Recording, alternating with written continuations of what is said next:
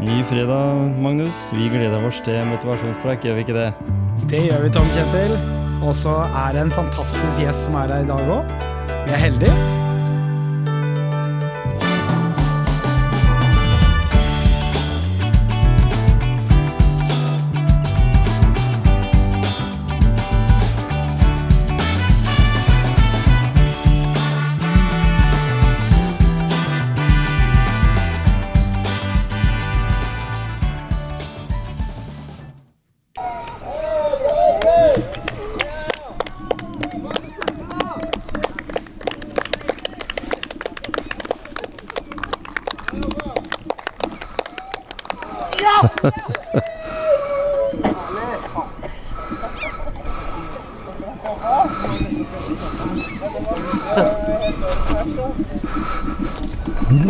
Har vi en, eh, en veldig sliten kar her som jeg må bare spørre. Hva føler du nå? Jeg føler det var langt. Men det kan du ikke si. Jeg er sliten. Du er sliten. Jeg er veldig fornøyd. Var en fin dag. Jeg hørte at du ligger litt føre det skjemaet du hadde satt deg. Ja, jeg hadde lagd to skjemaer. Ja. Et på 11.36 og et på 12.20. Så ble det vel et eller annet 11.30 et eller annet, tror jeg. 35, 36, 37. Veldig bra. Der ligger noen timer trening bak. Nei, nei. Et par, et par timer.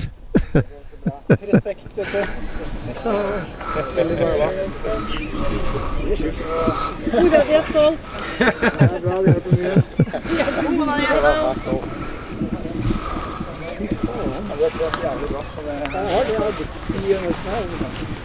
For den dagen her. Det er, det, er, det er bedre løp å løpe med en solgryte. Mer flytt. Ja, det er veldig, veldig fint løp på dagstid. Altså, ja, og størstvisene og så videre. Og langs den bekken her. Ja.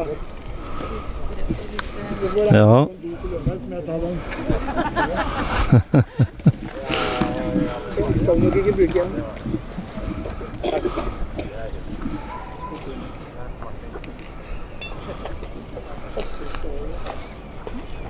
igjen. Nei, det. I dag kunne jeg trengt deg med Farris. Jeg var helt tom. Det var for rask. Ja, eller det var for varmt. Men, Vi var jo langt før at var det? Ja, da var jeg halvtime. Men det var bra du la ut på piggen, for da kunne vi hive oss i bilen. Ja. Så vi liksom Når kommer den, liksom? Det er ikke alle som tar seg tid til det. Jeg må nødt til å vite hva som, gjør, eh, hva som motiverer deg i dette her. Ja. Hva, hvorfor eh, du står her i dag, trena trener 100, kanskje 1000 timer? Hvor mye tror du? Mer? Jeg løpt, jeg løpt det siste halvåret, så i forhold til det løpet her, da, så har jeg løpt i snitt ni til ti 9-10 mil i uka, Ja. i tillegg til styrke. 15. Eh, og for meg så er det noe av det jobb, fordi jeg har sprekk, og for noe av det er definitivt uh, egentid og trening. ja. Så nå, nå er du på en måte Gud, du nå på senteret. Ja, det har vært hyggelig. Ja, men det er jo, det er jo en tid siden vi snakka om det der med at du begynte å ta litt timer og Ja, ja, holde deg sjøl, så var jo det på en måte litt starten for deg. Ja, definitivt. Ja. Med timebiten så er det det. Og det er klart, det- for meg så er det viktig å Ikke viktig, men det er moro å kunne vise fram at det er mulig å trene på et senter og trene litt ved siden av og, og gjøre gode tider. Vi har mange deltakere i dag som er enten medlemmer, og vi er tre ansatte osv. Ja. Vi har gutter som har vært med og løpt eh, ultra for første gang, og de er, kommer fra mine timer. Så det er veldig, veldig moro. Så bra. Og da, da nå vet du liksom at du holder eh, stand. Ja, det var moro å vite at eh, eller vise at At du slår, at du slår det ene, eller ene 34 hva skal jeg si, ganger Tida di slår det med lang Ja, ja, ja. Så til og med Gisle Johnsen, som er såpass flink på det her med å måle tider Han rakk det ikke. sånn, han rakk det ikke. Du var forbi. Og det var bare så vidt han rakk å komme hit òg. Og han og jeg har jo masse, masse reiser sammen, og Ikke ikke minst i Østerrike hvor han hjalp meg masse. Så jeg håpa jeg Ja. ta møte han underveis. Jeg var ganske, jeg var ganske dehydrert uh, på Salter en periode. Samme som jeg var i Østerrike når Gisle var med, så da, da hoppa jeg på scenen. Ja. Veldig bra, Espen. Ja, tenke seg til. Det å løpe 88 km. Det er rått. 3500 høydemeter. Det er rått. Eh, Der 80% av løypa er på sti, så det vil jo si at det, Det er er bruk av naturen vår. Det er godt. Eh, Og vi snakker om eh, 20% bare på grus og asfalt, og det er jo bra for beina også. Veldig. Gjennom tre kommuner, to byer og fem bymarker. For, for jeg må jo si at Grenland er jo en fantastisk. Vi har jo bymarka både på østsida og vestsida og på nord og sør. Virkelig. Ja. Fantastisk sted vi bor på. vet du. Vi snakker om det vi hørte litt om her i stad. Ja. Skogvokteren Ultra Mm. 2022. Andre året som eh, Skogvokteren eh, blir gjennomført. Spennende. Og det er runde det er snakk om å løpe liksom fra eh, Rådhustrappa og opp via Jarseng og opp til Vealøs. For mange så ville jo det i seg sjøl vært en eh, det nok. er jeg veldig Kanskje fornøyd med når jeg klarer det. Ja. Og så skal du da løpe til Solvika, og så skal du løpe rundt hele der, og så kommer du ned på Løveid og Skottfoss og ja, det, det, det, For de fleste så er det liksom sånn Ja ja, det tok vel ei uke. Men det må Mm. Det du si litt om. For velkommen til Egil Kragel. Du er jo her i motivasjonspreik for andre gang. Ja, det stemmer det, og det er jo hyggelig å bli bedt tilbake. Ja, er ikke det? Og nå skal vi prate om noe jeg brenner for. Ja, ikke sant? Kult. Og den motivasjonen hos de menneskene, eller de personene For i år så var det jo rekord, da, siden det var flere påmeldte i år enn de var i fjor. Det var ikke liksom, Folk ble ikke skremt fra i fjor. For Nei. var det hvor mange? Det var eh, 120 påmeldte, Ja. men til start så var det 94 eller 95. ja. Ja. Hva har det med skader og sånt? Ja, det er diverse, da. For lite trening, skader, Ja. og kanskje akkurat eh, våkna med feil bein kanskje den morgenen, og så ikke torde å møte opp. Jeg, nei, det er masse, mange ting. Vi, Som, vi, snakker, vi snakker om en maks eh, motivasjon her. Altså, for det er jo tross alt Det er ikke bare å møte uforberedt til eh, Skogvokteren Ultra. Nei, du må ha et godt grunnlag for Ja. å komme gjennom. Bare det å gå må du ha et godt grunnlag for. Mm. Eh, altså, vi har jo noe, På det løpet her så har vi noen cutoff-tider. Mm. Cirka på 50 km. Må du bruke 10 timer. Det er maks. Ellers blir du tatt ut av løpet. Oh, ja. Og så er det etter 16 timer på Løveid, og så da 20 timer i mål. Og de tidene blir satt sånn som i fjor høst, så gikk jeg nesten hele løypa. Og da fant du ut at det er jo der ved de tidene som jeg passerte ved 50 km, det var ca. 10 timer, altså sånn mot Skottfoss-området. ja. Og da brukte jeg litt, litt over eh, 20 timer på å gå. Jeg løpte vel 10% av løypa, ellers så gikk jeg fort, da. Ja. Så det var sånn vi snakka om, eh, Magnus. Da må vi regne med at vi bruker et døgn. Ja. Så må vi ha med oss ryggesekk og primus og full pakke og sovepose. da, Og så sove opp på pollen. Men skulle vi prøve neste år, eller? Eh, Ja, jeg, Jeg jeg, bør ikke si det her, kanskje, men det Nei, kanskje ikke vært love bort noe. i- Ja, det hadde vært Men ekstremt kanskje vi ser Egil til start liksom neste år på Rådhustrappa i Porsgrunn og så sier faen, er dere her, sier du da? Ja. Det hadde vært moro å blitt overraska, Ja. men jeg ser vel startlistene før. ja. før ja, det hadde vært veldig moro. Det ser, også Ikke minst det med eh, Altså, Jeg er født og oppvokst i Grenland og i Skien. og det å bare kunne oppleve den turen rundt her virker jo for meg helt eh, fantastisk. Ja for, ja, for det er jeg litt nysgjerrig på. Hvor, hvor viktig, altså For de da, eh, noen og 90 da som starta, hvor viktig er naturopplevelsen for de, tror du? ja, Flesteparten av de som starter, er, eh, er vel en del naturopplevelse. Jeg stoppa jo for å spise på toppene, Mhm. mens de som er førstløpa, de løper. Ja, Eh, og det er jo mange som nå var rundt her for første gang, Mm. og de trodde ikke det var altså stinettet, topper eh, Naturen det varierer jo da fra grus da, og Ja, ja. til løvskog til hogstfelt. Det er jo alt mulig. Og jeg tror altså toppene er jo Galten og Skrehelle, Geitebyverden. Det er jo fine topper. Men folk ble nok overraska når de kom ned til Løveid Ja. og satt på brygga på toppen der. Fint vær. Eh, Vi hadde noen som kom utenbys fra, og det, som var support, og de Jøss, er det noe sånt noe her? ja. Så de ble veldig overraska over Løyvei da. ja for da løp de over igjen over til Åfoss. Ja, Ja, over Åfoss, ikke ja. sant? ja. Over Åfoss og så ned mot uh, det som vi kjenner som kanskje den nest uh, høyeste Eller den nest laveste toppen, piggen, Piggen, ja. i den herre ti- ti-topperen. Det stemmer, det. Ja. For det er vel en ute i Bamble som er lavere? Ja, den er, den er, ja, ja, den er jo selvfølgelig. Ja. Men, men jeg spurte litt om det. Da løper man eh, Alle løper med kart, eller har med kart? Nei, det, du, du kan gjøre det. Men eh, det er jo vi bruker klokker som da har en har Er, er det det på klokka mi òg? Ja, ja. Nå vet du ikke hva Jo, det det var. er eh, Ja. polar. Jo, det ja, skal være. det er nok det. Det Men er en sånn, det er en sånn GPX-fil. GPX-fil, ja. Ja. Og den blir plotta inn. Og den kan følge den er litt uh, type, typer, da. Men eh, min følger med streker, altså fargekoder. Men når jeg da kommer til et stikryss, eksempel, ti meter før, så piper den når du for skal til høyre eller venstre. Jo, klokka mi, da. Så det, er, Gar Garmin vet jeg har det. Ja. Den, og vibrerer litt også. Ja. Når du Nå ble jeg litt inspirert, for den, den funksjonen der må jeg hjem og lese meg opp på. Ja altså, for men- det virka gøy. ja da, det fungerer bra, Ja. men eh, du må jo følge med, da. Det er jo Ja. spesielt ut veldig lange løp, da, sånn som det her er jo et langt løp. Blir, kan du bli sliten Ja. og ikke greier å se på klokka, og da plutselig løper du feil i sti, Ja, ja. valget, da. Var det noen som løp feil i år, eller? Nei, det, kikke, det var jo en eh, oppdatering på altså Vi har jo GPS-sporing på alle eh, løperne. Ja. Noe som heter racetracker, men den fungerte ikke helt optimalt, så vanskelig å se. Og den, men den kan du gå inn på dataen og kikke hvor, hvor de er hen. da. Ja. Vi gjorde det nemlig. Ja. Vi så det hvor langt eh, Ånund eh, Olsen og de var bak Espen Ødegaard. Eh, og da var det en som sto i målområdet der og sa ja, nå, de er der og de er 1 time og 45 minutter unna. eller noe sånt, Og da, da måtte jeg hjem til pizza. Ja, da, Ja da. Hvor, men er det mange dere ikke har funnet igjen nå, eller har de Nei, fleste al- kommet? Nei, alle er kommet velberga vår. Ja, det er men det er jo noen som bryter av diverse årsaker. Jeg måtte jo da Jeg sto på Volksveien parkering opp mot Piggen. Mm. Så plutselig får jeg melding inn at eh, det er to stykker som brutt, og de var på vei fra Langelandskollen ned mot Dalsbygd. Tok den raskeste veien, da. Ja. Så jeg måtte helt bort der og hente dem, da. Ja.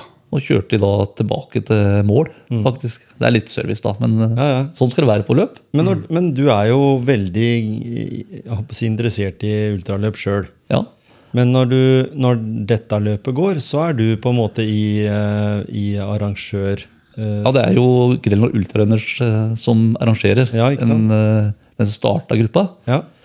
Så vi er jo en syv-åtte personer, da, og alle var jo Ingen av oss løpte i år. Nei? Pluss at vi hadde noen frivillige med, og det er vi evig takknemlige for. Ja, vi trenger fri, frivillig. Så det Så der kan vi være neste år, vet du, Magnus. Vi kan være frivillige. Matstasjoner. Ja, Matstasjoner, ja. ikke sant? Men blir det trening av det? Ja, Ja, du må vi må gå jo gå opp dit. Ja, Ja. gå dit, det er langt. Ja, jeg, hadde, jeg kan jo si det at jeg var inne og kikka da, på løpsdagen, og hvor mange skritt jeg hadde tatt. Ja. Det ble 18 000 skritt, da. Ja. Så det blir jo noen. Ja, det er noe. Selv om ikke beveger meg ikke noe Det er det, sånn. Det er det er, jeg husker jeg hadde rekord på klokka mi når jeg, jeg var med på den her um, Viking Challenge på, på Gaustatoppen. Begge to samme året. Ja, ikke sant? Da tror jeg jeg hadde 23 eller noe sånt. Nå. Men går, går det an å dele den opp i flere, egentlig? Eller er det mest sånn altså at, eh, at man kunne hatt sånn at man hadde delt opp i to, da? Så ett Ja. år så tok man første delen og liksom testa seg der, og så nei. Nei, og Løpet er jo et helt løp, ja. men en loop som går fra rådhuset rundt da, og så Ja. tilbake igjen. Men eh, du kan jo, det er jo mange av oss som tar treningsturer eksempel fra rådhuset da, og opp til Solvika. Og så eh, 14 år etterpå så kan du løpe fra Solvika til Gjønvald. da. Ja. Og så uke etter der fra Ulskålen parkering og til mål, f.eks. For hvis du går inn på nemlig, nemlig eh, Skogvokteren Ultra, mm. så ser du der faktisk Løypa. kart. Du får løypetrasé med etapper også. Ja. Så det er elleve etapper, så jeg, altså, eller tolv med mål. Ja. Og så kan du jo legge inn Det er lagt inn GPX-filer for de forskjellige eh, lengdene. da. Ja. Eksempel Rådhustrappa til Solvika, hvis du tar den. Kult. Og der ligger det også inne Selvfølgelig ikke matstasjonen, står ikke oppe nå. Men, altså, men drikkebekker. da, altså drikkekilder ja. Som du kan bruke Ja. når- hvis du er langt av gårde. Ja, for det lurte jeg på. Når jeg så Ja, på gøy. kartet, så tenkte jeg eh, drikkebekker. Så tenkte jeg, er det liksom sånn eh, at det står rigga til noe der som, som er såkalt Er i ultraløpsøyemed noe som heter drikkebekke? Men så tenkte jeg det var jo ute i naturen. Det stemmer. Så Det da vet dere at det er, opp eh, går an å drikke det vannet. Det er eh, sik sikre kilder. Da. Ikke sant? Nei, det er jo altså Nå er det lite med dyr, altså Ja. beitedyr, i området der som løypa går. Så Ja. det er jo, går greit. Men på andre steder så må du være forsiktig, da. Ja, ikke sant? Hvis det går mye beiter. dyr og så skiter i Ja, jeg løper jo opp i Rondane på noe som heter Rondane 100 miles. Mm. Og der var det en del eh, kyr og sauer, og da må du være obs på hvor du tar vannet ja. fra. for å si det sånn. Plutselig så, ja. Kan du slite med magen eller noe sånt? Ja, Ja. lite grann. Men eh, en av de eh, som på en måte dro i gang dette, her, og som er en av dere gutta i Eller er det jenter òg, i Ultra Grenland Ultrarunners? ja, de er jo, det er flere medlemmer, men i den som starta i Ja. greiene, så er det bare mannfolk. For der har du han Tobias Dahl Fenre. Stemmer. Han eh, gjorde det ganske bra i fjor. Ja, det, han er jo, har jo løyperekorden, da. Ja. Men Det var damene som vant i år. det stemmer, og det er imponerende. vet du. Så det er en, litt av en løpsfamilie. Det er det, Og så ble jo svogeren nummer tre. Ja. Altså Oi, oi. broren til Tobias ble ble nummer tre, Mattis. Så, er en, så jeg lurer på egentlig når de møtes til familiesammenkomst, hva, om det er konkurranseinstinkt der. Ja. ja. De er sånn at nei, nå, nå, nå skal vi ta kake og kaffe. Hvor skal vi ta den? Ja, Vi tar på Gaustatoppen. ja. Ja, når da? Nei, om seks timers tid, eller noe Ja, sånt. ja. Vi løper bare over skauen, og så er vi der. Ja. Uh, og, og han har Men for det er kanskje ikke så rart, han, har jo, han er sjefsmører for uh, skiskytterlandslaget. Det stemmer. Så, så han har jo på en måte, trodde jeg, da, liten tid til å trene fordi han måtte bare teste ski, men det er sikkert trening i det òg. Ja, Så litt dødtid mellom her. ja han, de har jo De er vel ute når de har samlinger. Mhm. Så har vel en, de har vel en økt på morgenen. Ja, Ti, ti kilometer eller noe sånt, kanskje. Hele, hele støtteapparatet der. ja. Eller smøreapparatet. Og så vet jeg ikke om de tar noe på kvelden nå. Ja. Jeg har jo sett han på Strava at han er ute om kvelden nå. Men, gjerne litt tid. ja, sikkert. Det blir sikkert mye dødtid også i sånne sammenheng. Ja. Mm. Absolutt. Men, men sånn, for å høre litt om Egil, da. Du har jo vært med på podkasten før, og nå er jo det en, et års tid siden. Hvert fall. ja, det var vel i januar-februar Ja. i fjor. Mm. Mm. Uh, hva har du gjort siden det? Du har løpt litt. Løpt uh, noen løp, ja. Mm. Uh, var med på Oslo-Bergen Trail, ja. som da er et eh, terrengløp som går fra Oslo til Bergen. Ja. Eh, måtte dessverre ta en DNF der. ja. På vei opp mot Norefjell etter 120 km. Da tror jeg jeg fikk et lite hetslag. Ja, var det såpass? ja, det var eh, fryktelig varmt en dag. Så, men det var jo, som jeg sier, at det, det var mange andre som tok akkurat samme skjebne. Ja. Så det, det var ikke bra akkurat der og da. Nei? Så de, det her er jo et lag. Eh, Den etapperittet her, eller etappeløpet her, er jo et lag. Men du hadde løpt i tolv mil Jeg hadde løpt i tolv mil, før ja. du liksom fikk det heteslaget? Ja, det stemmer. Ok. det. Det. Men de var var på lag med to damer, og de kom, ble tatt ut etter 320 km.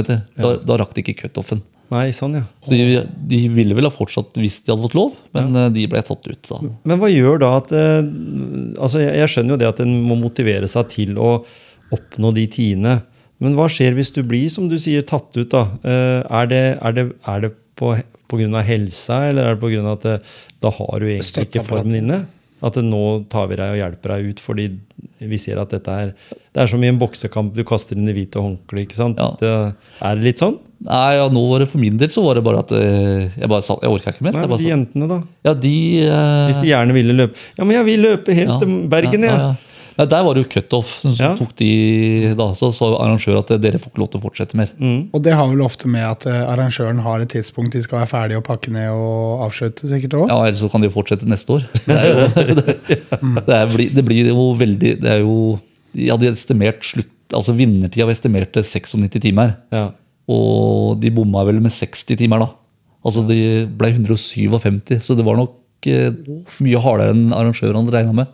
157. Men da har du overnatta oppimellom? Ja da, det er jo noen overnatta på en DNT-hytte, noen Ja, ja. overnatta bare rett ute i merka.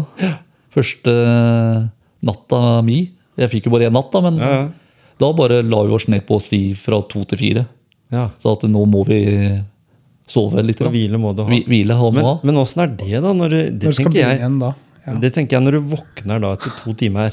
Du har, li, du har løpt liksom type åtte-ti mil, eller Mm. kanskje noe sånt. Og så litt sånn småstøl i kroppen, og sover bare som sagt de to timene. Litt småsvett har du vært, og så hutrer jeg litt, og det er litt sånn kaldt.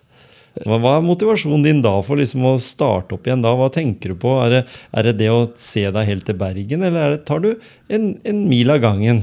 Vi ser, altså jeg ser eh, checkpoint til checkpoint. Altså, det, det er, Du kan ikke forestille å løpe helt til Bergen. Nei. sånn sett. Nei, ikke sant? Det er jo kjempelangt. Ja, det er I utgangspunktet så er det jo sånn Egentlig, hva er vitsen med å løpe til Bergen, da? Altså Ikke fordi det at ikke det er noe Du har jo vært i, bodd i Bergen. Jeg har det, vet Så du. så jeg du- kunne jo løpt eh, hjem til gamle minner eller noe sånt nå. Eller noe, noe i den duren. Ja. hvem vet.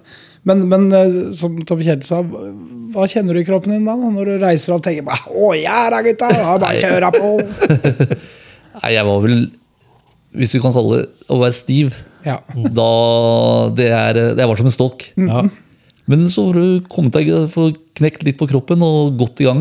Da, det tok en halvtimes tid, tenker jeg, og så var du varm og god, og da var du i gang igjen. Ja. Men du starta ikke i løpemodus. Nei. Du må liksom gå deg i gang. ja. Så, Hva gjør du med mat? ja, det- nå, Måtte du ha med deg all maten der? Der måtte vi ha med alt maten. Altså, vi hadde lagt ut uh, Du hadde jo checkpoint, Første Ja. checkpoint var ca. ved 105 km. Mm. Og da hadde du lagt ut uh, for neste etappe. Ja, sånn, ja. Ja. Og så får du lov til å bruke bensinstasjoner, butikker underveis. ja. Men jeg kunne ikke fått hjelp fra deg. Nei. Altså, nei, nei, det må greie deg sjøl. Ja, det må greie deg sjøl. Ah. Så hvis jeg hadde møtt deg på en felttopp og hadde du sagt Egil, skal du ha en matbit, og jeg hadde tatt imot, jeg hadde tatt imot den, og arrangøren hadde sett det, Ja. så kunne du diska meg da. Ja, sånn, ja. Ja. Men, Men hvis- de du hadde med på laga, dere kunne gjøre det sammen? ja, det kunne vi gjøre sammen. Ja, sånn, ja. Så vi stoppa jo Første, første butikken vi fant, det var på Sundvolden. Mhm. der, var det- der var det flere lag som stoppa, og der var det inn og kjøpe seg ja, varm mat og Så det hadde ikke hjulpet hvis jeg hadde stått med egg og bacon oppe på en fjelltopp der. Nei, i utgangspunktet ikke. Ikke sant? Det er utrolig interessant. Er Jeg, jeg må jo si at jeg får liksom litt sånn Jeg kjenner at jeg blir nummen i, i fingrene ja, og, og prate om det. For jeg, liksom får, jeg får så lyst, men jeg vet at det, i forhold til Skogvokteren Ultra så har jeg jo fulgt litt med Espen, da, for jeg kjenner jo Espen godt. Og han er jo sånn, han har jo vært med på mange løp nedover Europa, sånn type ekstreme løp, hvis en kan kalle det det òg. Og, og han har jo vært veldig målbevisst. Han har brukt, brukt de siste seks månedene, i tillegg til at han er driver treningssenter sjøl og har løpegrupper der. Så han har på en måte kunnet både jobbe og bruke fritida si på det. Han har løpt mange av de toppene. Altså én og én topp, da. Og så sett liksom så, Ja, så han var jo veldig godt forberedt. Og da når han greier å, å slå eh, Han hadde vel to eh, tider han hadde satt opp. En som han trodde kanskje var litt usannsynlig, og så en som han tenkte var sannsynlig. Og så slo han den usannsynlige tida med to og en halv time eller noe sånt.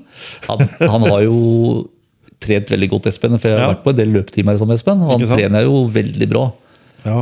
Eh, og han har jo også fått litt motivasjon fra Pål Thoresen. ja. Så de har løpt, del, løpt hele sammen. Og, og løpt mange ganger mellom totalløypa. Mm. Og det hjelper å kjenne, kjenne stiene, for å si det sånn. ja. Eh, kommer du utenbys fra og ikke vært i terrenget her, mm. så tror jeg de fleste blir overraska hvor tungt det er. Så det, det er mye teknisk partier, da. ja. Så skal du løpe fort nedover, du kan fort tape mange minutter. Det er mange, mange nedoverbakker der. ja, ja. Og Ja, for en oppoverbakke er jo alltid en nedoverbakke. ja. Du kommer opp på den ene sida, skal ned på den andre sida. Ja. Ja. Og jeg husker jo det når jeg løp Svanstul fjelløp en gang. Det er jo lengst jeg har løpt, da. Hvor langt var det? 300 meter? Nei, det var, det var, litt. det var en maraton. Å ja. Jeg var Ja, det? ja, ja. Men å komme i myrer, Ja. det var det verste. Jeg løp og løp og løp i den myra. Jeg føler jeg løper der enda.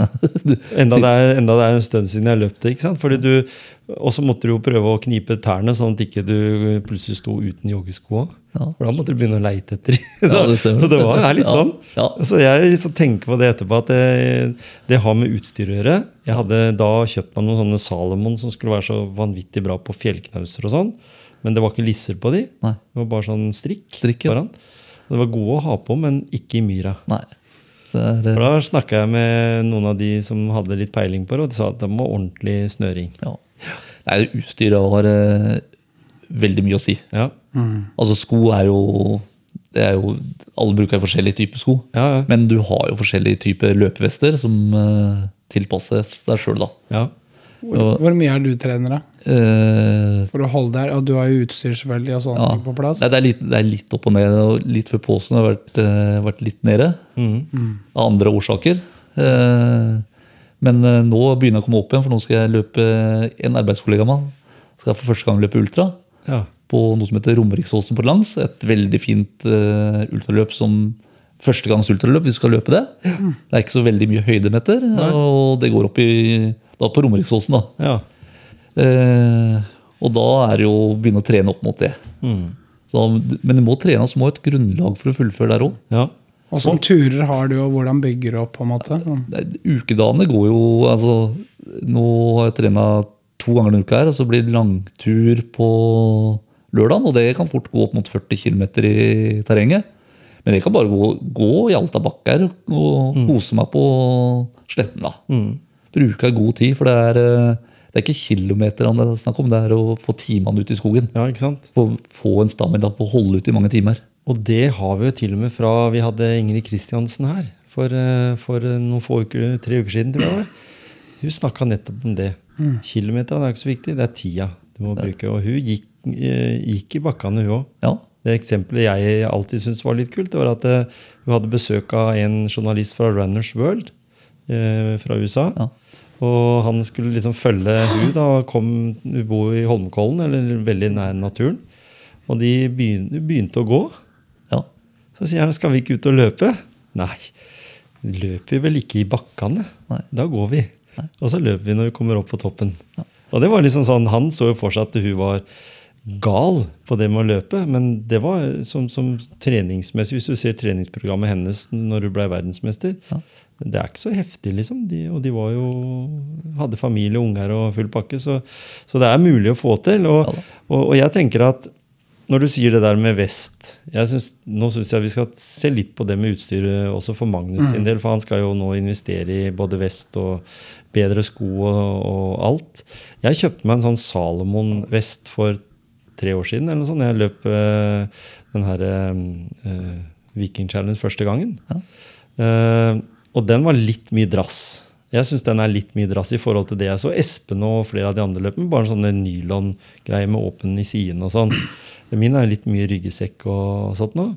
Uh, syns jeg, da. Uh, er, det, er det sånn at en vil helst ha minst mulig drass når du er løper? ja, du vil jo ikke ha mest det det minst mulig tyngde. Mm. Men du, på de ultraløpene så må du ha med visse ting da, som står obligatorisk utstyr. Ja. Og det kommer jo an på hva slags løp det er. Mm. Uh, dere, hva slags, hva slags har dere på skogvokterne? Det kan være førstehjelpsutstyr. Ja. Mobilen må nødt til å være med, Mm. påskrudd, for eh, eventuelt eh, ja, Hvis du løper helt feil i forhold Ja, ja, så kan du finne det. Eh, også for din egen skyld, da, å, hvis du skader deg. Vi ser jo ikke at den er skada. Det, det var faktisk en som ble skada, som ble henta med Røde Kors. Ja. Men jeg har ikke hørt at uh, gikk Det ble ikke noen borte, sånn som Nei. Magnus sa. Nei, nei, noen nei. dere ikke fant. Jeg tror det gikk bra, da. Jeg har ikke Ja, ja. hørt noe ettertid at det var noe Jeg hadde sikkert hatt et lite fall eller et eller annet. Så sikkert vondt der og da. Ja, ja. Og så vært litt øm i ettertid. Ja, ja. Men jeg vet ikke hva grunnen var, da. Nei, ikke sant? Eh, om du slo hodet eller det er veldig gjennomsiktig miljø. ja, Altså, det fanger opp det veldig fort hvis det var noe det gikk gærent for. ja, du gjør det, altså. Mm. Og så har du på den GPS-senderen som du har på skuldra, for den må jo være åpen. Ja, Der er det jo også en nødknapp. Ok. Så hvis det har vært eh, krise, så skal du trykke Så på den. du det. Ja. Mm. Så sender du ut signal. Da, så. Spennende. Så det er trygt sånn sett. Sånn sett er det, ja, men eh, det er jo da hvis det fungerer helt optimalt. Det, vi følte jo ikke at det fungerte optimalt, da, for det var veldig mye eh, At de sto veldig mye. da. At de sto bare blinka. Ja, At det var, at det, vi, vi, nå vet vi jo ikke hva som har skjedd. Nei? Så det er vel kanskje en ting å få gjort noe med, men racetrekket per dags dato er det beste alternativet, da, Ja. hvis jeg kan si det sånn. Og det, og det er ikke sånn at du kan gjøre mobiltelefon tilgjengelig? Sånn at du kan også bruke Jo, den teknologien? kan, jo, du kan jo det, da. Ja. Men uh, det er jo fremdeles dødsoner i løpet. Ikke sant? Så plutselig detter ut der, da, så Og for meg, da, så er det som min iPhone i hvert fall, så tror jeg ikke den hadde batteriet hadde holdt engang. Ja, det er min natt, tror jeg. Men Ja. Er det- Og det stoppa. vel- Kommet ned over Løvei der, og så plutselig så ble jeg borte. Og så vet jeg ikke åssen jeg Det er jo sånn at på noen løp nå, Der har du powerbank med deg, da. Ja, du må det. Ja. For jeg tenkte på det når du løp det lange løpet, Ja, eller bare den tida du var der. For du løper jo litt i soner som krever mye av uh, GSM-en. da, Så den er veldig mye på for at den leiter etter soner. Uh. Og det tapper jo batteriet Ja. veldig. Med en gang de begynner å leite, så går jo strømmen ned. Ja. Men uh, jeg fant ut eh, På klokka mi så hadde, da hadde jeg det var 28 timer. Da hadde jeg 20% igjen på klokka. Ja. Med aktivt løp. Ja, da aktiv løp, ja. Wow. Så den holdt jo sikkert holdt en fire-fem timer til. da. Ja, ja. Og da var det liksom, da hadde jeg meldinger inn på klokka, og Ja, ja. det viser jo når det kommer meldinger inn. Alt var på. Så, Så det er sånn jeg tenker på. fordi når jeg har treningsklokka mi på noen langturer jeg tar, jeg tar ikke løping, da, men sykling f.eks., så ser jeg jo at eh, hvis en har eh, blåtannkobling til mobilen, så bruker den jo opp mer strøm. Mm. Og så begynner den å bli litt uberegnelig når den kommer ned i 20% for da sier den oftere ifra at det er dårlig strøm, enn at den eh, begynner å gjøre jobben. Og så er det kjempekjedelig når den da bare står Garmin der. ja. For da vet jeg hva skjer nå. ja, og så er det jo sånn at eh, jeg har det hvert fall ut det før de lange løpene jeg er med på det. Så sletter jeg alt som er historikk og Ja, sånn for da rensker det jo.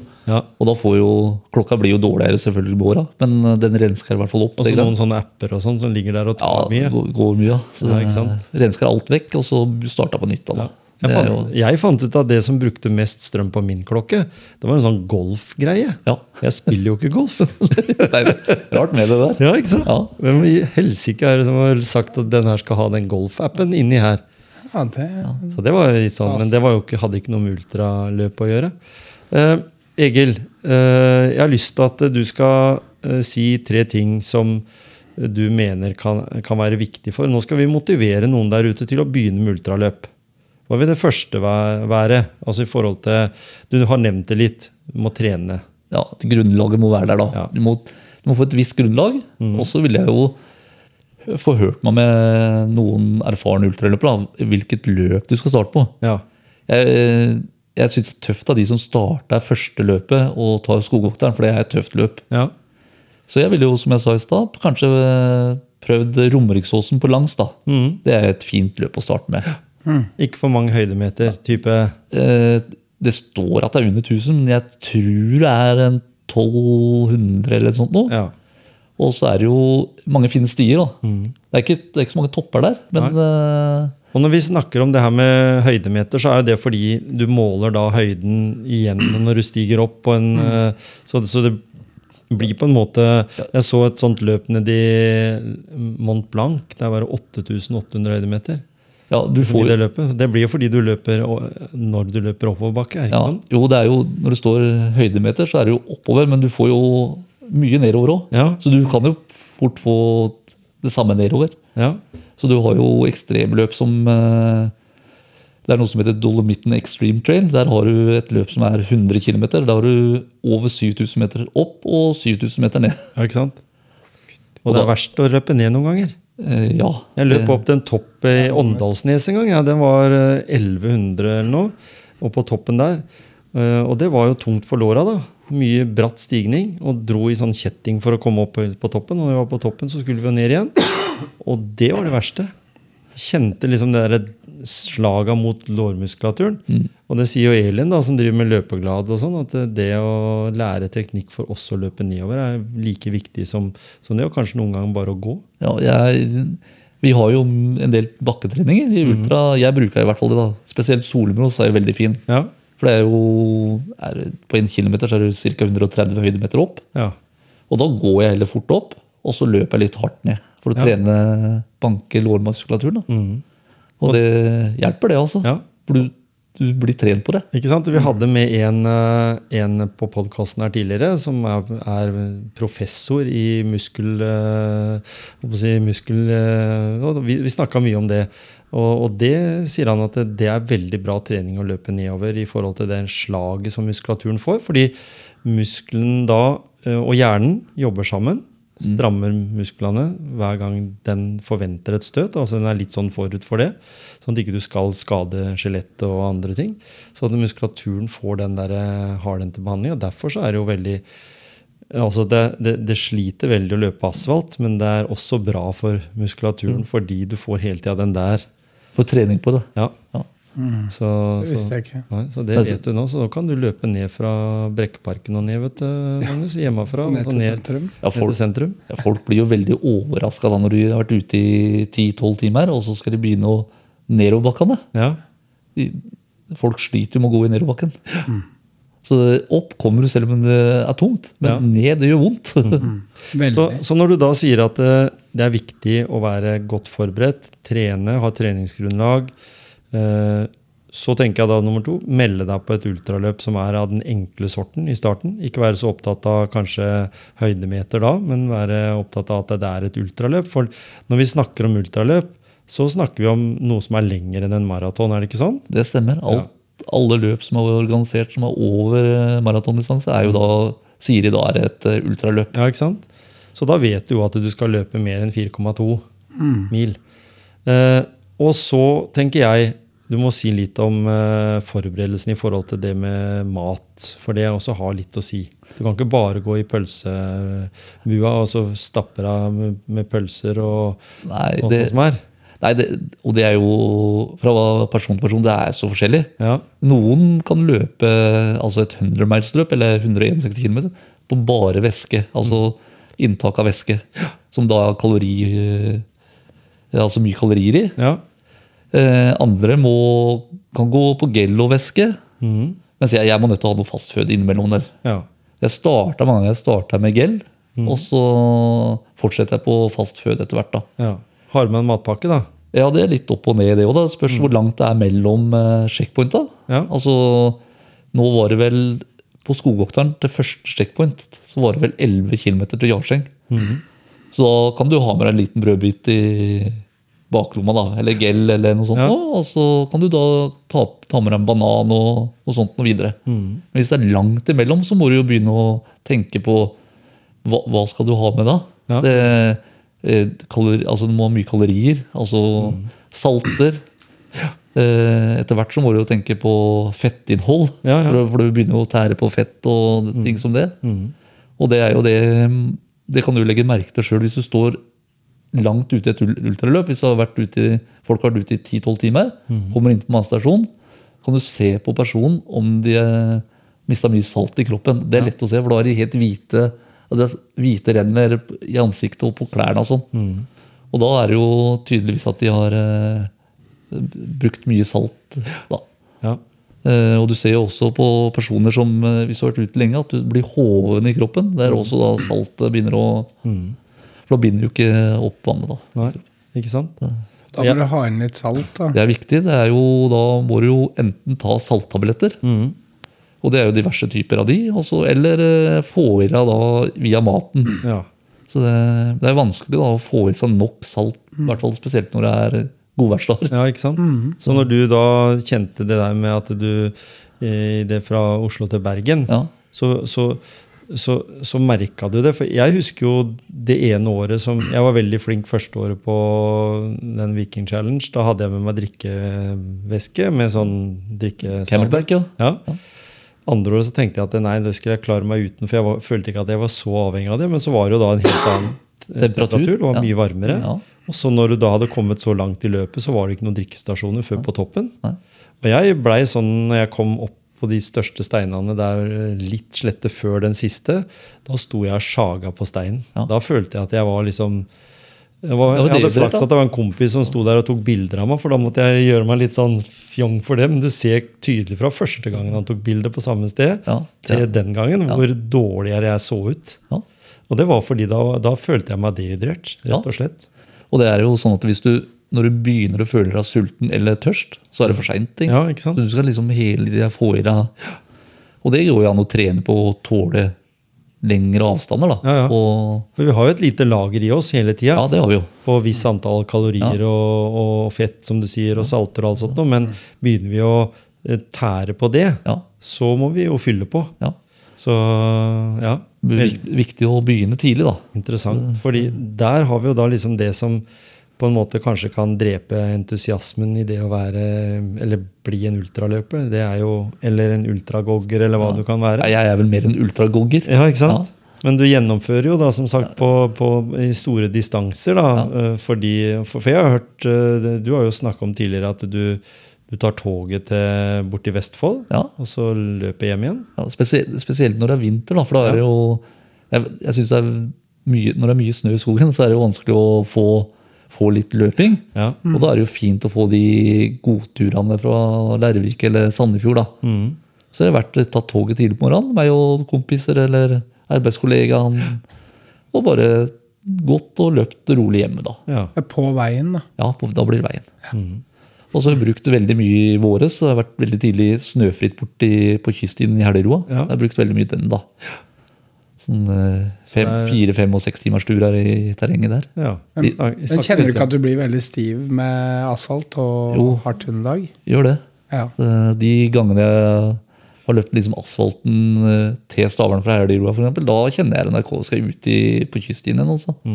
Eh, Du sier det at du har noen målsetninger. Er du, er du sånn på jobben og blant venner og sånt, noe, så er du, er du Føler du sjøl at du er en form for motivator, eller en inspirator, for å kalle det det, i forhold til å få andre med i det å delta på ultraløp? Det er jo ikke det nødvendigvis kanskje det å løpe det og sette Personrekorder hver gang. det. rekorder, men å bare komme seg ut og få den opplevelsen og den mestringsfølelsen.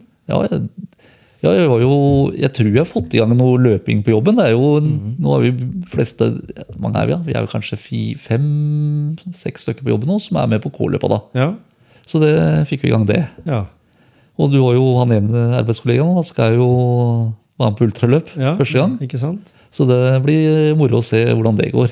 Da skal jeg være med sjøl, men eh, Ja, ja. For K-løp er jo ikke noe dum greie. liksom. Det er en, der er en fellesskap. Litt sosialt, og så arrangeres det Du kommer til dekka bord på en måte, og kan sikkert noen gang få arbeidsgiveren din til å betale òg, for det er vel bedriftsidretten som betaler? Eller i Ja. hvert fall arrangerer. ja, det er jo bedriftsidretten da, som holder det greiene her. Ikke sant? Men uh, jobben hos meg har jo da betalt uh, sesongkort hos års. Mm. Med diverse premier uh, til, hvis du deltar eh, nok ganger. da. Ja, ikke sant? Så det er et eh, motivator for, sikkert for noen, men jeg syns det bare er moro. altså, Jeg hadde motivert meg ikke for premien, Nei. men eh, fordi jeg syns jo løping er moro. Så, Men, eh, men da tenker jeg at det, det er jo veldig mange som sier at uh, fysisk trening, eller ak å være aktiv, da, det er viktig også for arbeidsmoral og, og, og sykefravær og den mentale helsa vår også. ja. Uh, er du den rette til å spørre da om at det er faktisk tilfellet på din arbeidsplass, eller? ja, jeg tror Merker du det? At de, folk er litt mer, eh, har litt mer energi? eh? Nå har vi kommet akkurat i gang med det, da, så det er litt vanskelig å si det. ja, ikke sant? Men, men en ting som er positivt, det blir mye prat da, Ja. angående det greiene her. Mm.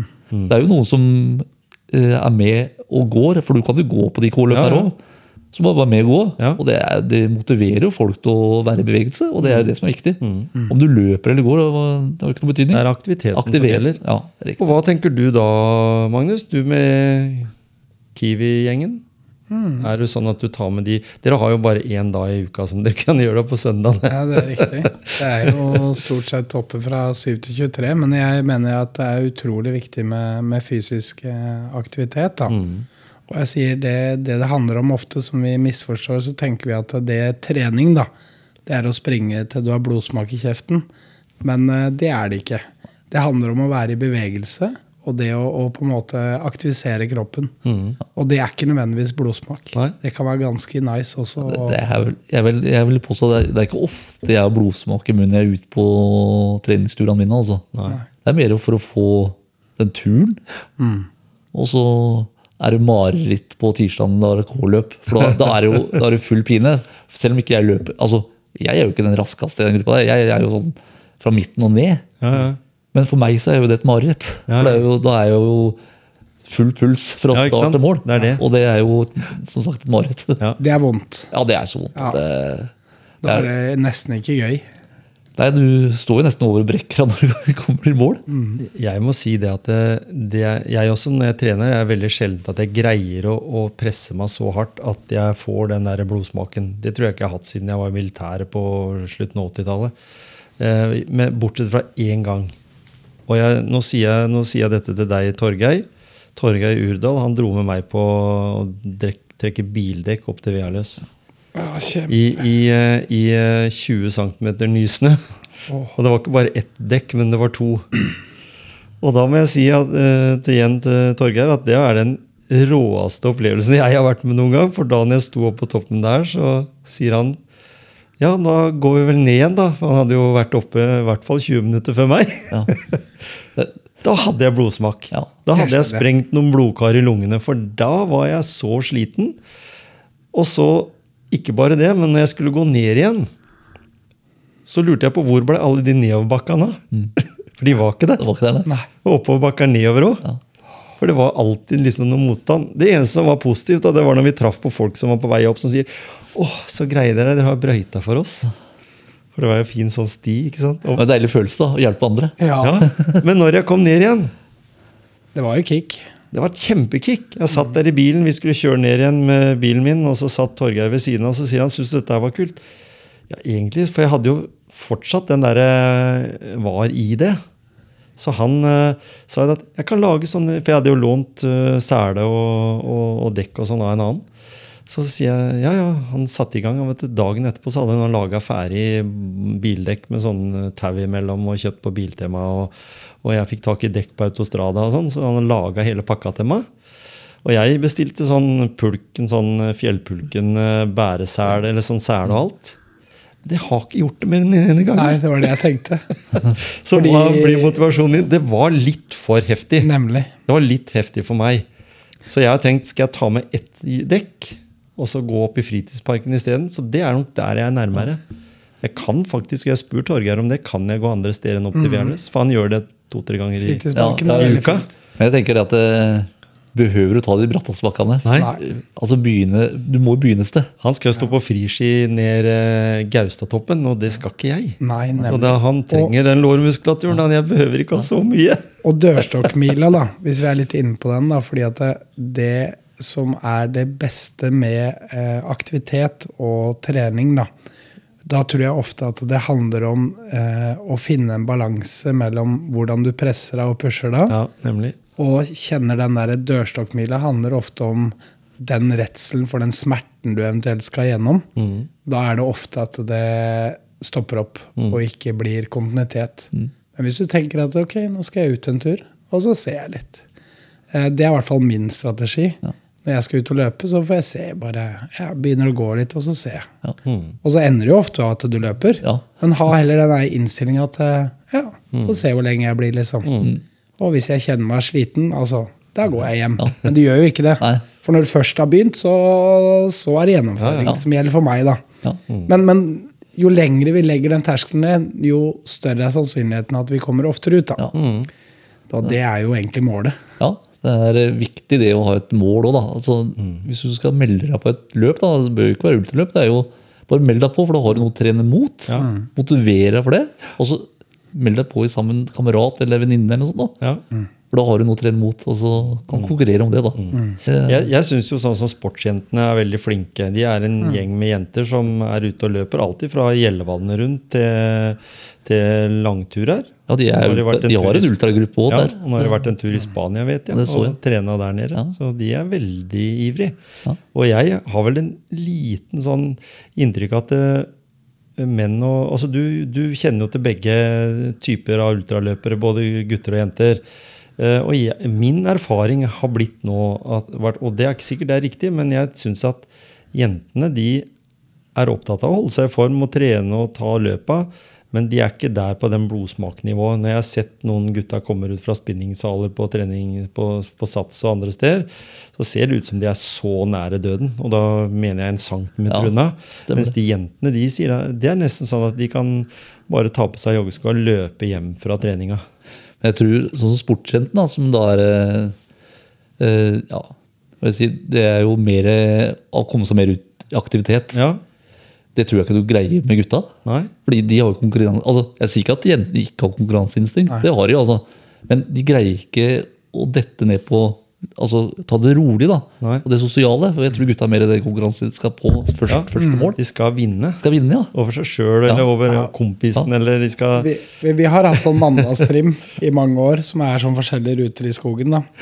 Og da er det alltid sånn sånn, nei, vi tar det bare med ro i dag og prater litt. Og, og så begynner det første kinn, men så prater vi og ordner det, og så merker du plutselig at noen begynner å røkke litt radde, og kjenne litt på det. Og så bare nei, nei, vi tar det med ro, vet du. Det er liksom, Og så på slutten, når vi skal liksom de to-tre siste kilometerne, så begynner racet, vet du. Da, det er gjerne de samme, da. Ja, Som, eh, som, og noen også som alltid går på en smell òg, da. ja. Eh, på slutten. Eh, som aldri klarer å lære. Lærer aldri, nei. Nei. nei.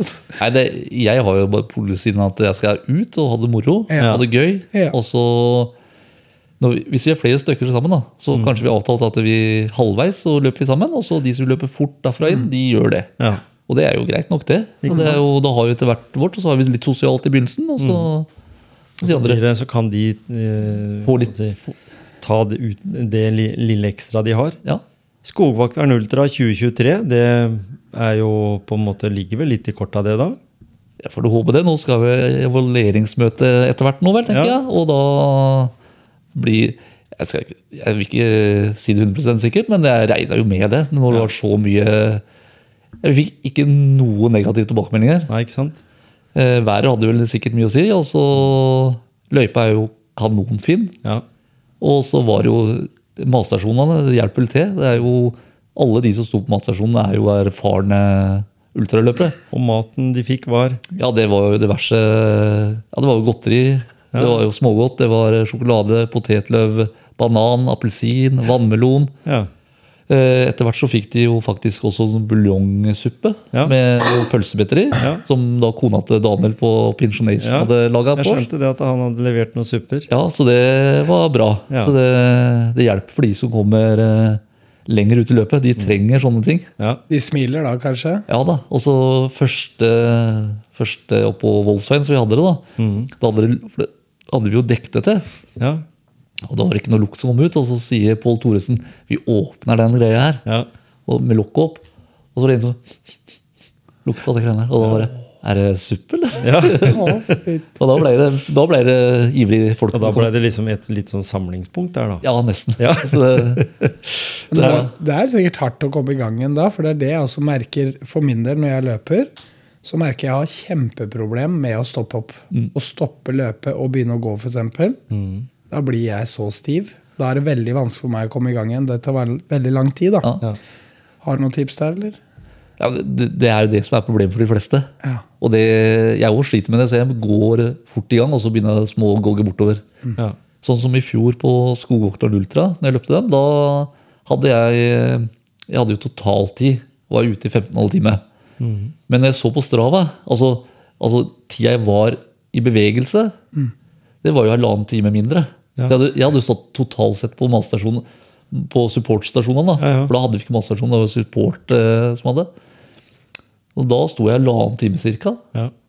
Mens du så Mari Fenre som vant i år. Mm. Der tror jeg det sto tre eller fire minutter i stille, stilletid på de 88 km. Altså hun hadde bare løpt inn på matstasjonen og fått eh, da drikke og videre. Ja.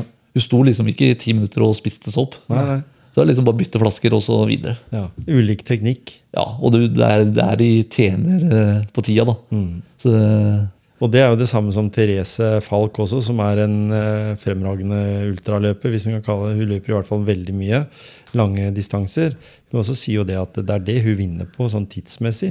At du har jevnt tempo, og ikke har de stoppa. Stemmer det. Så, da slipper du å komme i den situasjonen, vet du, Magnus. Du sier det med å ha stått stille og begynne å løpe igjen. Det er verre og verre vet du, jo eldre en blir. Men da tenker jeg Nå er vi sånn mot slutten her eh, fordi eh, nå skal Egil ut og løpe, og du skal ut og løpe, og jeg skal ut og sykle. Eh, Skogvokteren 2023, Magnus. Da står det Magnus Minnesjord og Tom Kjetil Olsen kanskje på startstreken? da? Ja, det hadde vært veldig gøy, og jeg syns det har vært eh, stort å kunne kommet gjennom. Eh, og det er ikke minst for eh, opplevelsen av å ha vært rundt hele Grenland. Ja. Og jeg får lov til å oppleve naturen. Jeg tror også vi inspirerer til å bare Oi, her har jeg ikke vært før. Nei, Så kan du henge den medaljen gå... opp med den pokalen du fikk når du ble best i Kiwi-butikk. Ja, det kan jeg faktisk. medalja ved siden? Årets matgledebutikk. Da kan vi kombinere det med årets eh, løp. Ja, ikke sant? Et eller annet. og da er det jo lov til å brife litt hvis du kommer til mål. Gå med, gå med medaljen noen dager etterpå Ikke sant? på jobb. Ja, ja. Ta, må ikke ta den av. Nei, nei, nei. nei Ja, for du, du har vel Tobias som kunde, har du ikke det? Jo, Ja, du, har lov, du har ikke noe taushetsplikt på det? du vet. Eh, jo, eh, jeg kan ikke si hva han kjøper. Er Mye, mye medisinering, men eh, Det er på, fordi du ligger på vei til Siljan, tror jeg. Ja, jeg tror det. Jeg tror det har det med det å gjøre. Men, men jeg vil jo si, ut fra tilbakemeldingen fra løpere på i årets eh, skogvokter, da Ja. eh, Jeg tror de fleste av de tror jeg kan fort komme tilbake. ja.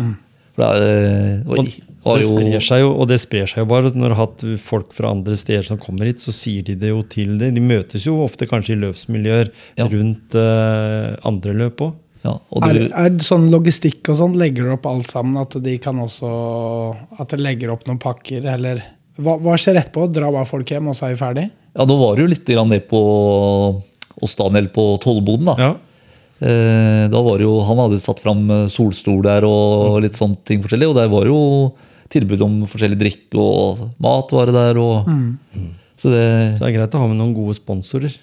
Ja. Og nå vet jo du at eh, når du nå har bestemt deg, når helga er over, så er det bare å ta kontakt med Egil. vet du. Han er jo ute flere ganger i uka. Så hvis du vil være med noen sånne turer, så er Jeg vet ikke hva jeg tort å bli Jeg tror helt sikkert du er velkommen. For det er Det er ikke du.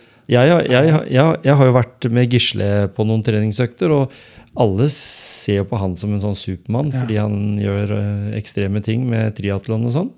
Eh, men han, og det tror jeg også er med Egil, han greier å liksom være nede på nivå, for det er en sosial og det å dra med seg andre og motivere andre til å gjøre det. Det er ikke om å gjøre å slå den du har med deg. Nei, Du skal ikke slå de du har med deg fra jobben. nei det er Du skal liksom gruse de liksom fordi du har så mange mil i kroppen. For det har litt å si, det. Ja at du har mye mil.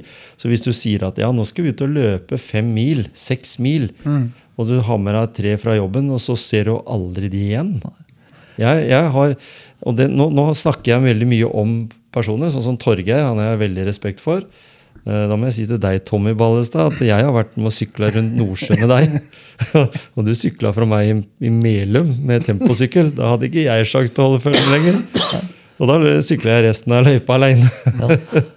han var på et litt annet nivå, ja. nivå. Han kunne lø så han kunne sykle fort. Det er jo viktig da, hvis du ber med deg folk ut på en løpetur eller sykletur, da, at du eventuelt legger deg ned på det nivået. Ikke sant? Det er, det er jo det viktige. Ellers så er det jo demotivator. Ja, det ikke sant? Du, har ikke lyst, du har ikke lyst til å være med neste gang, du da. Og da får du ikke være med motivasjonspreik, i hvert fall. Nei, nei. Det er derfor du er jo her. Fordi du motiverer andre Ja. til å si at det faktisk går an. Ja. Fordi du blei jo kjendis du på et bilde i, eh, som sportsjentene hadde tatt. Oh? En liten filmsnutt der du ble løpt ifra bort på brua på den her Gjellevannet rundt. Er Helt sikkert jeg blitt løftet Ja, for mange jenter. Jeg. Og da så du veldig sliten ut. Ja, det var helt sikkert og, sånn, og det var du sikkert Ja. Og det syns alle var så ærlig. Og fordi jeg husker de sa det etterpå at ja, men er klar, Egil han løper jo ultraløp, han. Ja. Yes. Så tenkte jeg liksom, «Å Går det an å se sliten ut òg, etter et sånt løp? Og det gjør det. Ja. For du velger jo nivå, som du sier, og med K-løp og alt sånt, så, så vet du hvor mye du skal ta ut. Og det som kanskje er fordelen, er at du kjenner kroppen din og signalene litt mer enn det kanskje andre gjør, i og med at du løper mye. da. Jeg, jeg, jeg hører folk løpe med pulsbelte og det greiene. Det løper jo aldri jeg med. Nei? Altså jeg føler, Når jeg føler at nå går det for fort, da må man bare sette ned farta. da. Ja. Og Ikke så- sant? Men for jeg, for jeg løpte I høst så løpte jeg Treungen. Terrengløp. ja. Det var jo første gang det ble arrangert. Veldig fin løype for øvrig. Den kan jeg også anbefale. Mm. Men det jeg kjenner når du får på det der fordømte startnummeret, da, så skjer det noe med pulsen umiddelbart. Og det som ble problemet der, det ble at jeg fikk aldri ned pulsen igjen. Nei. Og da begynner det med 150 puls bare å stå stille. Ja. Og så blei det bare rød sone hele veien. Ja, ja. Og da blir det jo en kamp. ja, det er et, det Hva er trikset før, egentlig, for å roe ned? For det er et eller annet som skjer med oss. da. For du tenker liksom, Når du står på startserien, tenker du hvert fall jeg må i hvert fall være foran den, den, den, den, den. Ikke det at du skal vinne, men du tenker du kan jo ikke ja. Nei, jeg, jeg, jeg vet ikke. Jeg, jeg prøver på de, Du bare driter i det, på en måte? eller? ja, på de lange løpa så gjør jeg det. Ja. Jeg har vel aldri sett en ultraløper som varmer opp. Nei. Sånn Nei, du bare begynner. Bare rolig. hva er vitsen med liksom Ja. å varme opp i to kilometer da, Ja. for å løpe 100? Ja, Jo, jo, men det er noe med den der anspentheten du ofte har. da. Eh, Du er så redd for å liksom ikke klare det, nesten. da. og da, da har det med Bli med nå på neste års Treungen. Og så ta det som Absolutt. en del av et løpsopplegg. Ha det som en sånn, et delmål da, til, mm. til den her skogvokteren eh, 2023. Det er et tips at eh, den eh, fjell, den bratte bakken der, den skal du faktisk over to ganger. Det tenkte ikke jeg på. Styggemann? Ja, Nei. er, nei, ikke Styggemann. Det er nede i treungen der. Den heter. Skuggenatten, den. Ja, det tenker jeg. Ja. Den er ganske heftig når du tenker først den løper jeg opp. Ja, ja. Men den blir hard på slutten, altså. ja, ja. Bare så du er klar over, så går det noe som heter Skuggenatten 12 timers. Opp og ned flest mulig ganger. ja. Det er nå i begynnelsen av juni. Ja, stemmer det. Men det er faktisk på andre sida av Å, ja der. Ja. Så det, ja, det har jeg hørt om. Ja. Skal, har du vært på den? Nei, det har jeg ikke tenkt. Nei. For det er, en- det er også en annen greie, det med bakkeløp. Ja. Det er jo en helt annen sport i utgangspunktet. Å løpe lange etapper opp, bare oppover. ja. Så, For det er sånn syreløp. Ja, Det det blir ikke noe kos. Det blir ikke noen sånn naturopplevelse annet enn før du kommer på toppen. Det er derfor jeg går i bakkene. Ja, ikke sant? Jeg tror ikke jeg, jeg, tror ikke jeg er noen tjener på å løpe i bakkene, i hvert fall ikke på ultraløp. Ingen. Nei, Da er det bare å gå fort istedenfor. Ja. Du får jo puls uansett. Det det det. Absolutt. Ja. Da har vi hatt høy puls i nesten en time. Og nå skal vi si tusen takk for oppmøtet. Er det ikke sånn de sier når du har vært med på løp? Vi har ikke noen medalje å gi, men vi skal gi deg en uh, motivasjonspreik-kopp. Tusen Den skal du få. Så tusen takk, Egil, for at du tok turen innom eh, motivasjonspreik. Håper vi har motivert noen der ute til å tørre Altså, vi har ufarliggjort ultraløp lite grann. Ja. Altså, jeg kan jo personlig si at eh, start rolig. Ja. Trenger ikke å løpe fort. Nei. Og få en god grunnlag, så går det an å komme dit. Og konkurrer bare med deg sjøl. Ja, det Ja. er viktig. Og det er antall timer som Ja. er avgjørende for å trene opp. Nemlig. Ja, noen sier vel ikke det, men jeg bare Ja, sier at det, jeg, altså, jeg føler at hvis jeg får fire timer ute, så har jeg gjort en god jobb. Om jeg, om jeg bare løpt 10 km da, eller om jeg løpt 30. Du får jo god trening av å være fire timer ute. Ja, ikke sant? Absolutt. Så, Og er i bevegelse, sånn at ikke du er ute i fire timer og du har to timer stille, da, for du har sittet og drukket eller hatt med deg en ryggsekk full av mat. Men da har du vært ute allikevel. Du har det. Og da har du fått luft til andre ting. Ikke sant? Så vi må ønske alle sammen, siden det er fredag i dag, Ja, det må vi. God fredag. god fredag. Og god løpetur. Eller gåtur. Eller gåtur, ja. Alt er bra. Gogging har jeg hørt. Gogging òg.